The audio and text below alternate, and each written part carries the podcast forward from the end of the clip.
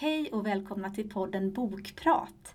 Vi som driver den heter Hanna. Och jag heter Lotta och vi jobbar som bibliotekarie på Jenny Nyströmskolan.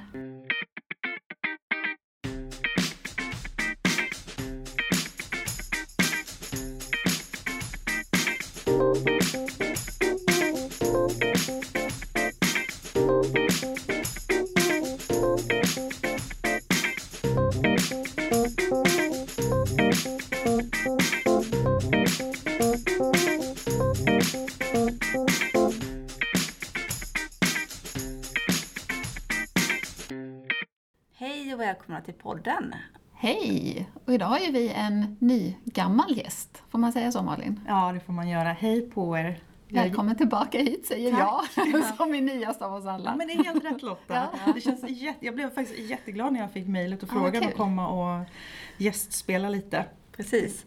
Eh, och vi har tre böcker då, för att vi är tre som pratar idag. Och Lotta börjar med en ja, ny bok av en väldigt välkänd författare. Ja, då har jag precis läst Alex Schulmans nya roman. Och han har ju skrivit några romaner innan. Förutom all de här bloggarna och inläggen han gör och kåserierna och sådär så är han ju en skönlitterär författare också. De andra, det är väl tre eller fyra böcker han har med de här bränn alla mina brev och Älska mig nu. Ja. Och, Och den här som handlar om hans fru va? ja, just det, jag sprang upp för blomsteräng. och- Springa nej, upp en kulle, Ja. att älska dig för att springa. Ja, något Ja, sånt. Och någonting sen har sånt. han ju skrivit en om sin pappa också har vi kommit på. Just det, just det. Ja. Men, men alla de böckerna handlar ju lite om sin egen barndom och hans egna släkt. Den här boken som heter Överlevarna eh, är liksom en helt... Eh, det är en fiktion, men, men jag tror ändå att han, han bär ju mycket med sig. Just de här med släkten och förhållandena inom en släkt och förhållande mellan syskon. Och det är just det som den här boken handlar om. Den börjar med en scen, nästan så att man tror att man är med i en film. Man kan nästan se filmen framför sig. Eh, det är ett, en röd liten stuga nära en sjö, skogen runt omkring en. Det är en familj. Eh, Nej, det är tre pojkar eller tre män som sitter, det är tre bröder sitter på trappan. Och man förstår att någonting har hänt och en polisbil rullar sakta in och en polis stiger ur. Så man förstår ju att någonting har hänt. Och så är den här boken att den varvar mellan de tre vuxna bröderna. De heter Nils, Benjamin och Pierre. Och det är Benjamins perspektiv, det är han som är jaget i berättelsen. Men det varvar liksom varannat kapitel när de är vuxna och ungefär varannat när, han, när bröderna är barn. I början av boken är det mycket mer barnperspektiven hela tiden och i slutet av boken så är det mer när de är vuxna. Men den handlar om de här tre bröderna och om deras... Eh, det är liksom svek och det är bus och det är kärlek och det är retstickor dem emellan och sådär. Men i hela boken så handlar det mycket om att de vill vinna sina föräldrars ja, men kärlek och uppmärksamhet. Och det, är- det är liksom väldigt stor sorg tycker jag när man läser den här boken. De här små pojkarnas hela tiden se mig, klappa mig, lyssna på mig och så. Och mamman och pappan har liksom lite olika roller. Ehm, Pappan är ju ofta lite, man, man lär inte riktigt känna honom. Han, ibland är han liksom den här bullriga, braiga pappan och ibland har han druckit för mycket och är aggressiv och nästan lite våldsam. Men men han, han finns liksom, ja. Och mamman får man ju också ett väldigt kluvet perspektiv till. Hon, ibland tar hon upp dem i knäna och då är de som liksom små kattungar som bara ja, ja, ja, sådär. Och ibland är hon totalt... Eh, det är någon scen när hon stänger in Benjamin i någon potatiskällare. Alltså helt, helt eh, empati. Men det finns sprit i, i historien så man förstår ju att det, den löper liksom som en, ja, ett missbruk i familjen. Men perspektivet är den här Benjamin, mellanbrodern, och han har hela tiden eh, alla spröt ute. Han, han känner varenda andetag, han vet vilka blickarna är, vad de betyder, han vet knaket i golvet, ni vet, är det glada, är det lugna knak, är det sådär. Så han har sådana känslor ute hela tiden, bevakar hela familjen, känner av alla lägen. Eh, och det är särskilt en scen som är, alltså den är så hjärt... Det är många sådana som man bara, nej men vad är det här? Mm. man ömmar så för de här barnen. Men det är vid något tillfälle så anordnar pappan en, en han liksom manar till kamp mellan de här bröderna. En tävling, det ska vara liksom konkurrens mellan bröderna. Så han samlar dem nere vid vattenbrynet och sen så är det en boj långt ute mm. i den här sjön och pojkarna ska simma och de vill inte och det är kallt och det är alldeles för långt för de här, de är ju runt tioårsåldern eller sådär. Är det inte så att det börjar mörkna också? Jo, det börjar mörkna, det är läskigt, vattnet är alldeles svart. Och de kommer till den där, först är det ju konkurrens mm. mellan dem, så de fäktar med armarna och försöker få bort varandra och sådär. Så när de väl närmar sig bojen så alla är trötta, de är ledsna, de tittar på varandra och de förstår att vi måste hjälpa varandra och det gör de. De kommer ju till slut in igen och då tänker de ju att där står ju nu föräldrarna, nu ska ju en vinnare utkoras. Nej, då har de gått in. Nej, då men, kommer de tillbaka till en strand och de bara går upp och så var det med det. Alltså, så det, det är väldigt mm. sådär hela tiden, där barnens eh, hur, hur de undergivna de är mot föräldrar, hur de är beroende av föräldrarna hela tiden och vilken liksom ändå makt en förälder har i det. Och att de inte ja, uppfattar det kanske, eller inte orkar och sen mm. alkoholen och så. Sen får boken en väldigt twist på slutet. Jag berättade den här innan podden startade. Mm. Men vi kan inte ta den i podden, för vill man läsa boken så, vill man, så ska man inte så ska jag inte förstöra det. den. Mm. Men den får liksom en, en helt ny liten twist Det är bara de sista sidorna som blir väldigt va? Alltså man sådär verkligen, jaha var det så här? Och, och då, då får man ett ett nytt perspektiv på mamman som man kanske mm. inte haft med sig genom boken. Så den får en liten, en liten twist där på slutet som jag kanske egentligen tyckte var lite onödig. För den tar bort den här känslan man har av barnens perspektiv och lägger den fokus på den vuxna igen. Mm. Men egentligen tror jag att det är barnens perspektiv som är det viktiga här i, i boken. Mm. Men ja, Överlevarna av Alex Schulman var detta. Eh, Malin, du har ju med dig en eh, om en sån här ungdomsbok som jag tror alla, eh, åtminstone jobbar man på skolan så haffar man nog den för det känns som ett sånt ämne. Mm. Eh, eller hur, vad säger du? Ja, eh, jag fick nog nys om den här antingen via någon av alla Facebookgrupper jag läser eller om det var en lärarkollega som tipsade om den på Stagneliusskolan där jag är nu. Fula tjejer. Den är skriven av Lisa Bjärbo, Johanna Lindbäck och Sara Olsson tillsammans. Och det här är den första av totalt tre böcker de kommer att ge ut på. Alla kommer att ha något sånt här tema har jag förstått. För jag tror att jag har sett en bild på framsidorna redan nämligen. Eh, men i den här boken så är det framförallt tre tjejer vi får följa. Det är Tilde som tillsammans med sin familj precis har flyttat till Gnesta ifrån Luleå. Och livet har inte alls blivit så bra som det var i Luleå nere i Gnesta. Det är väldigt liksom tråkigt. Hon får inga kompisar i skolan. Jag är inte helt säker på hur länge de har bott i Gnesta om det är ett år eller bara några veckor sådär. Men livet har inte blivit som hon hade hoppats på överhuvudtaget. Eh, och allting blir bara än värre när det eh, visar sig en dag att någon har startat ett anonymt Instagramkonto som heter Fula tjejer.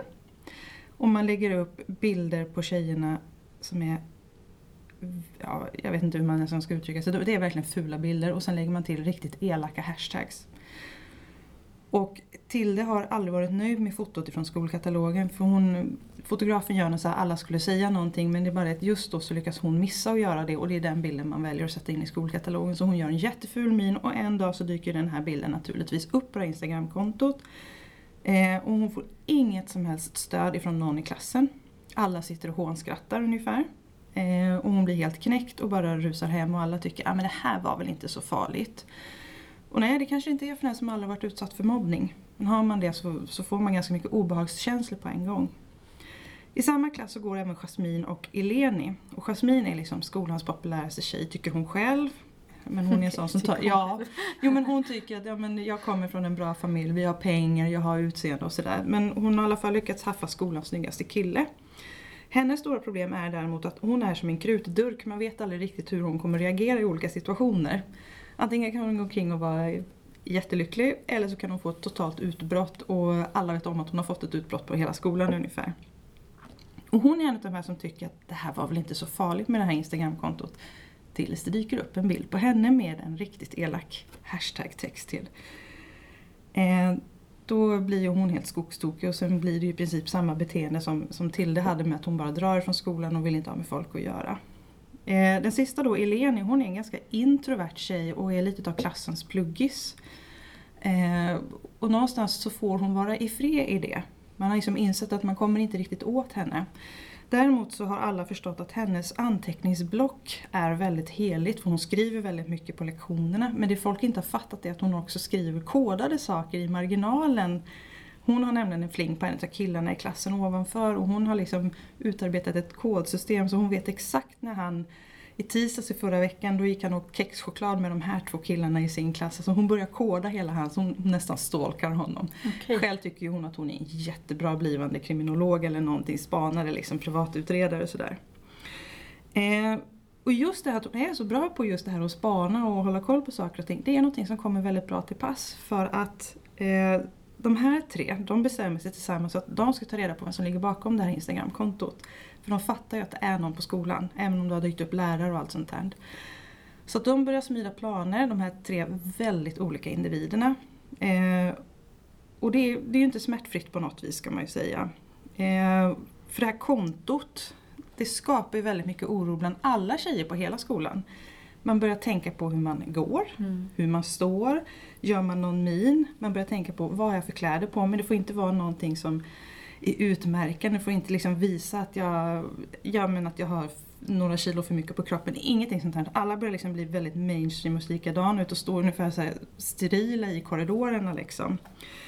Eh, och sen börjar det väl sprida sig då att de har någonting på gång. Så den här trion som då ska jaga reda på vem som är skyldig växer med fler tjejer som har blivit utsatta på skolan. Eh, ja, jag tänker inte säga mer för att det, det är lite intressant att inte veta hela handlingen. Mm. Men blir det någon slags revanschaktigt där på slutet med Nej, det får man inte reda på nu. Nej, det får man reda på i boken helt enkelt. ja, jag tänker det. ja. eh, för jag tycker det är bättre att man har lite kvar att se fram emot när man läser den. Eh, men, men vi kan säga det att det blir väldigt eh, Alltså det, det, är tjejer som verkligen visar framåtanda, mm. eh, kämpar glöd, att inte bli Alltså killarna får inte äga den här frågan. För, att, för dem är det väldigt tydligt att det är en kille som ligger bakom kontot. Det är liksom ingen diskussion. För de tänker att så här kan inte tjejer vara mot varandra. Eh, det som jag tycker är bokens svaghet det är dels att det är så uttalat att den utspelas på högstadiet. För det här har jag ju förstått att det här är ju ingenting unikt för högstadiet. Det här pågår ju även på gymnasienivå. Eh, att man beter sig så här illa emot folk. Eh, Eh, men alltså det, det, är en jättebra bok i grund och botten i temat. Mm. Med systerskap, kämpaglöd, eh, skolmiljön framförallt. Att vi vuxna får en insyn i hur vidrigt det faktiskt är som vi inte förstår när vi går i miljön. Jag märker ingenting av att det är tre författare. Jag vet ju inte hur de har skrivit, om de har skrivit utifrån varsin tjej då till exempel. Men det är ingenting som märks i texten och det är faktiskt en styrka tycker jag. Mm. Eh, så att jag kan ju verkligen rekommendera den om man kan bortse ifrån att de går på högstadiet. Men kan man rekommendera den, tycker du, till gymnasieelever också? Den, den kommer inte kännas Nej, att alltså, miljön är, har så stor betydelse där utan nej, att utan ämnet det, är ändå så... Ja, ämnet ja. är så pass. Utan det är att man i början är så uttalat att de går i klass 8B. Mm. Det, det, är väl det jag kan tycka, att man hade nästan inte behövt uttala att det är högstadiet utan man hade nog bara kunnat säga att tonårsungdomar här liksom. Ja, eh, men, men definitivt, jag skulle säga att killar borde läsa den också. Mm. För att diskutera ämnet, för att de förstår vad det är man kanske, om man nu tycker det här verkar vara en rolig grej, vad det faktiskt kan innebära att bli utsatt för det. Mm. Mm. Precis. Mm. Avslutningsvis så har jag med mig en bok eh, som heter Säg inget om Lydia, eh, skriven av Celeste Eng. Eh, den här handlar om eh, Lydia, men kanske främst om hennes familj. Eh, Lydia är eh, 16, eh, hon är verkligen eh, hon har två syskon, en äldre bror och en yngre syster. Ehm, och hon har verkligen varit helt beroende av relationen till sin bror. De har haft jättenära relation. För hon är, hon är liksom föräldrarnas ögonsten. De sätter jättemycket förhoppningar och så till henne och att hon ska plugga vidare inom, inom främst det naturvetenskapliga området. Ehm, och hennes föräldrar, eh, pappan är, han har kinesiskt ursprung. Och det här är typ 70-tal i USA. Eh, vilket innebär att det finns rätt så mycket rasism och rätt så mycket fördomar. Eh, och pappan James har verkligen fått uppleva detta. Han är född i USA men har, ser ju tydligt eh, asiatisk ut. Så han får ju liksom den här typen av klassiska frågor liksom, när kom du hit och sådär. Eh, fast han har bott där i sitt liv. Han mm. undervisar i amerikansk historia. Ehm, så han är verkligen, eh, han är jätteinläst och väldigt duktig men han har ju fått, haft problem att få jobb och sådär på universitet och så. Ehm, för att på grund av hans utseende, att han då, ehm, han heter James Lee så han behöver inte ens låta eh, kinesiskt på namnet och folk blir överraskade när de ser att jaha, det var inte vad vi hade väntat oss. Liksom. Mm. Eh, och frun då, eller mamman, hon heter Marilyn och hon är ju liksom lite mer helylle amerikan. Men hon fick eh, ge upp sin karriär, hon var väldigt duktig, hon ville ju då blev väl då på typ 50-60-talet så ville hon plugga och bli läkare. Eh, och var väldigt duktig och kunde liksom vara en av de här få kvinnorna som läste eh, kemi och eh, medicin och sånt där. Men sen blev hon, träffade hon ju då James och hon blev gravid eh, och det satte stopp för hennes utbildning. Eh, och detta är någonting som hon har ångrat så länge, eller som hon har, hon har försökt att ta upp det igen. Eh, och det är en hel historia kan man säga i boken att hon faktiskt tänkte att jag måste välja mellan familjen och att utbilda mig. Kan jag lämna liksom barnen och göra detta eller så? Och när det inte går så liksom fokuserar hon helt på sin dotter och de hade bara två barn vid det läget. Lilla systern hade inte kommit än. Så då var det Lydia som liksom blev båda föräldrarnas fokus för att eh, det kan bli bättre. Mm. Eh, att du kommer ha de här chanserna som jag inte hade, tänker mamman då. Och James, pappan, tänker att du kommer inte möta de förhinder som jag har mött. Eh, och sådär. Eh, så att Men det de, blir en press och inget positivt? Nej, det är väldigt, det är väldigt negativ press. Eh, och Lydia blir så, på grund av en, en episod där mamman har försvunnit under en period så blir Lydia så otroligt, hon tar på sig ansvaret för att mamman ska stanna i stort sett. Mm. Eh, så hon tänker att jag måste göra som mamma vill, jag måste hålla henne glad. Eh, och det blir en press som är över eh, väldigande för Lydia. Och där har liksom relationen till brodern, för brodern har alltid fått leva i skuggan av sin syster då och tänkt att men allt hon gör är jättebra och jättemycket fokus på henne medan när han kommer hem med bästa betygen så är inte det en så stor grej och sådär. Men nu i alla fall så är brodern antagen till ett jättebra universitet och ska ju då flytta hemifrån. Och det här väcker ju rent av panikkänslor hos Lydia för hon inser att jag kommer vara ensam kvar. Mm. Ehm, och det som händer i boken då alldeles i början är att Lydia är försvunnen. Ehm, och man förstår att hon, ja, men snart hittas hennes kropp i eh, sjön som ligger alldeles intill deras hus. Ehm, och frågan är ju, är det här en olycka eller har hon gjort detta själv?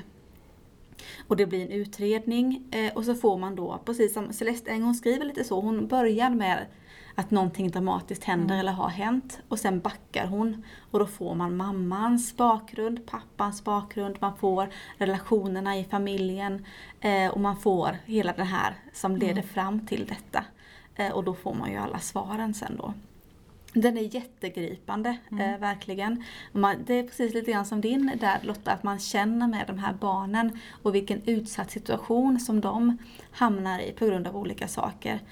Eh, men det handlar också om det här tanken om, att det finns fortfarande föreställningar under den här tiden om att eh, man bör inte gifta sig eller leva och skaffa barn med någon som inte är av samma etnicitet för att det skapar förvirring och det skapar att det skulle vara på något vis eh, destruktivt för barnen och sådär. Ehm, så sådana formuleringar eller sådana eh, resonemang finns i boken. Eh, och man får ju syn på mycket av den här typen av klassamhälle och ehm, ja, men, samhällsrasism eller vardagsrasism. Vet du någonting om författaren? För lite så är det ju faktiskt i hennes bok, den här Små eldar överallt. Det är mm. lite ju det, det också, klassamhälle och... Mm. Jag, jag, vet inte riktigt vem hon är. Vet du någonting om henne? Eh, alltså hon bor i USA. Eh, sen vet inte jag om hon är född där faktiskt. Eh, men hon har ju skrivit den här och den här andra boken, Små eldar överallt, som har lite samma tema. Ja. Eh, med en helt annan handling.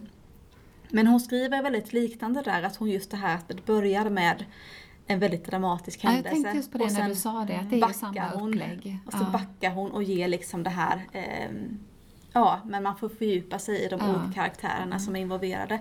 Jag tycker hon är väldigt duktig på att skriva. Hon är väldigt duktig på att skriva fram människor eh, och liksom ge den här bakgrunden och man blir snabbt intresserad i och med att någonting så pass stort har hänt som att till exempel då eh, en flicka har dött. Ehm, så att vi får följa, det är ju Lydia och så är det föräldrarna så är det hennes storebror Näs. Och sen lilla systern som också, eh, ja, men fram, främst då efter att Lydia har försvunnit så får man följa hennes, eh, ja men hur hon ser saker. Och men själv är rätt så osynlig. Eh, så det är också väldigt mycket det här med eh, barnens perspektiv. Eh, och väldigt gripande och intressant tycker jag. Så den rekommenderas varmt. Mm. Vad kul! Vad kul! Tre intressanta böcker tror jag vi lyckades med idag. Det var spännande. Tre helt skilda också. Väldigt Absolut. olika. Ja. Så till nästa gång, då får vi nya böcker. ja, ha det så bra. Hej då! Hej då!